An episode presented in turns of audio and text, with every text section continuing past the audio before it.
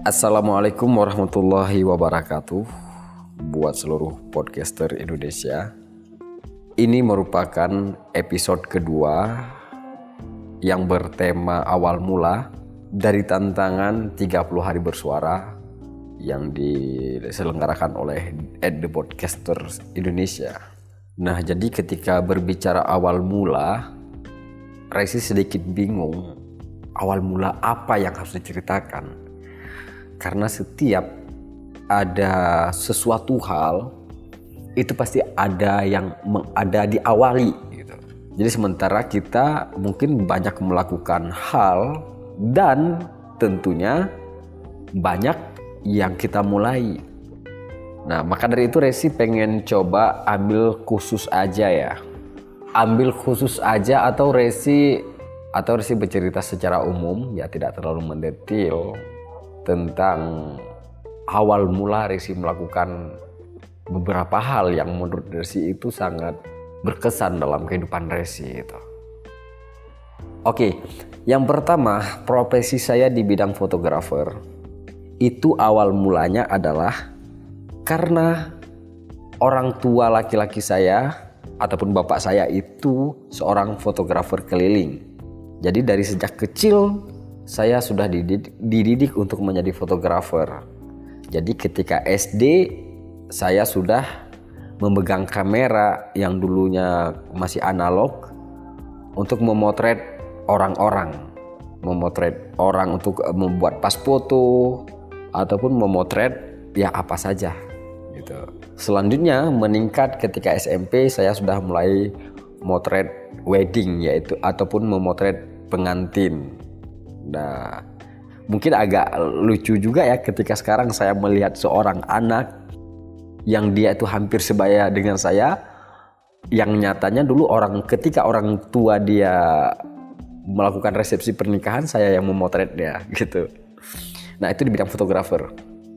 Kemudian beralih ke dunia videografer ya itu awal mulanya dulu ketika saya membeli sebuah kamera. Seingat saya mungkin tahun-tahun 2000 berapa ya? 2008 ya. Nah ketika saya membeli sebuah kamera dengan rencana saya mungkin nanti untuk uh, mendapatkan uh, job-job video ya video wedding lah gitu ya. Yang komersil lah. Nah akhirnya uh, saya itu malah men banyak mendapatkan job di bidang pembuatan video klip lagu uh, dan juga membuat film ya. Ini di sini konteksnya film lokal Aceh. Nah, jadi ketika itu karena proses pembuatan film itu tidak seperti profesional yang tingkat nasional, maka yang menjadi sutradara itu kebiasaannya itu terlempar ke pundaknya si kameramen. Karena apa ya? Karena kita yang melihat uh, monitornya itu kita yang melihat uh, screen uh, screennya itu jadi kita bisa tahu kita bisa tahu gerak-gerak si pemain itu mimiknya yang kurang cocok dan sebagainya. Dan akhirnya dan akhirnya secara tidak langsung ya kita sudah men mensutradarai film itu gitu. Nah jadi ketika itu saya timbul uh, apa namanya timbul hasrat yang baru gitu. Yaitu menjadi sang sutradara. Dan akhirnya saya terus mendapatkan uh, job-job pembuatan film itu dan klip lagu dan sebagainya yang akhirnya saya terus bertindak sebagai sang sutradara. Sehingga saya punya pengalaman yang menarik ketika itu saya mm, mencoba menjadi sutradara film pendek. Yang nyatanya padahal ketika itu saya bahkan tidak pernah tahu film pendek itu apa. Karena yang saya tahu hanya film panjang. Dan ketika itu saya membuat naskah film dan ikut kompetisi dan akhirnya naskah uh, saya itu menang. Dan setelah naskah itu menang akhirnya diberilah pembekalan tentang video pendek.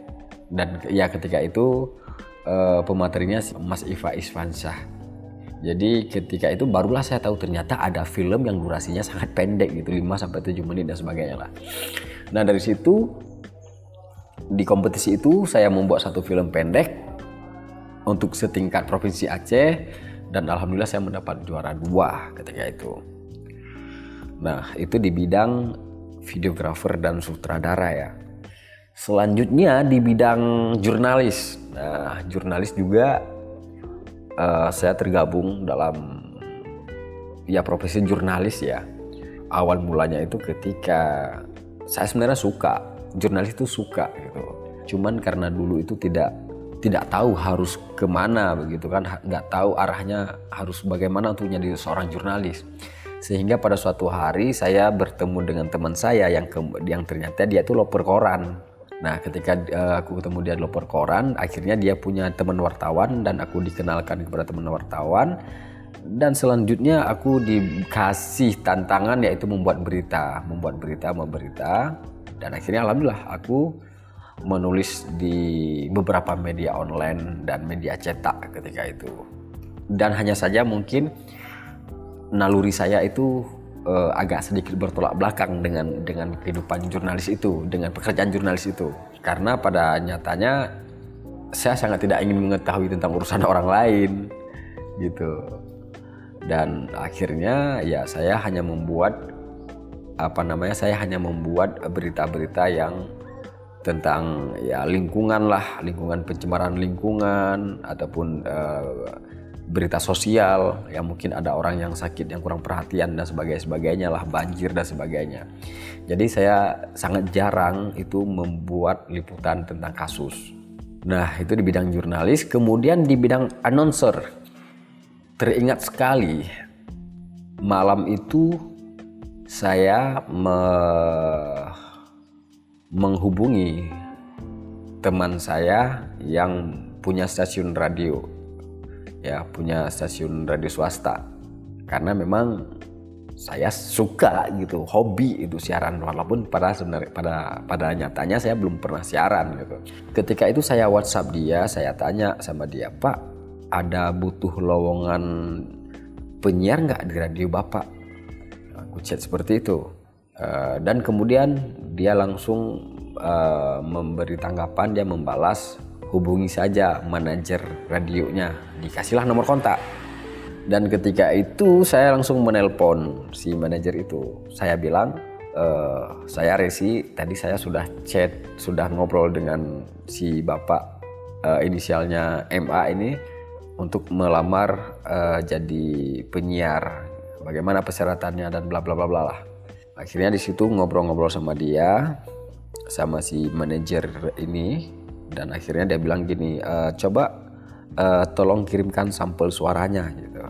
Nah ketika itu saya kirim sampel suaranya dan saya nggak nyangka tanggapan si manajer ini bilang ke saya dulunya bang Resi ini siaran di mana? Nggak saya belum pernah siaran di mana-mana. Ah saya tidak percaya. Kalau dari baca, bicara nada sampel suaranya ini kayaknya memang udah udah sering terbiasa siaran gitu. Ya bagaimanapun akhirnya dia tetap tidak percaya. Dan keesokan paginya saya uh, dan dia langsung bilang begini uh, tolong besok ke kantor. Nah akhirnya ketika saya besok ke kantor dia masih tetap mempertanyakan di mana dulu pernah saya pernah siaran dan sebagainya. Saya tetap bilang saya belum pernah siaran. Jadi dia tetap tidak percaya ya dan akhirnya saya langsung dikasih uh, jadwal untuk siaran. Dan setelah itu ini itulah baru pertama sekalinya aku mendapat pengalaman tentang siaran ataupun announcer. Ya mungkin itu dulu buat teman-teman podcaster Indonesia semua. Sedikit tentang awal mula dari beberapa profesi yang Resi jalanin walaupun pada kenyataannya Resi menjalani profesi itu bukan hanya semata-mata untuk materi ya tetapi yang Resi dapatkan tetapi yang Resi rasakan adalah batin saya itu terpuaskan.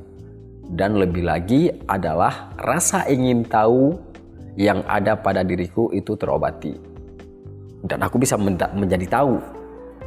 Walau bukan berarti aku berilmu sehingga profesional tidak, tapi sedikit, sedikit banyaknya aku tahu tentang profesi yang sebelumnya tidak pernah aku tahu. Gitu. Jadi itu saja uh, pesan terakhir dari saya buat teman-teman semuanya. Ketika orang lain bisa melakukan sesuatu, maka tidak ada istilahnya kita tidak bisa.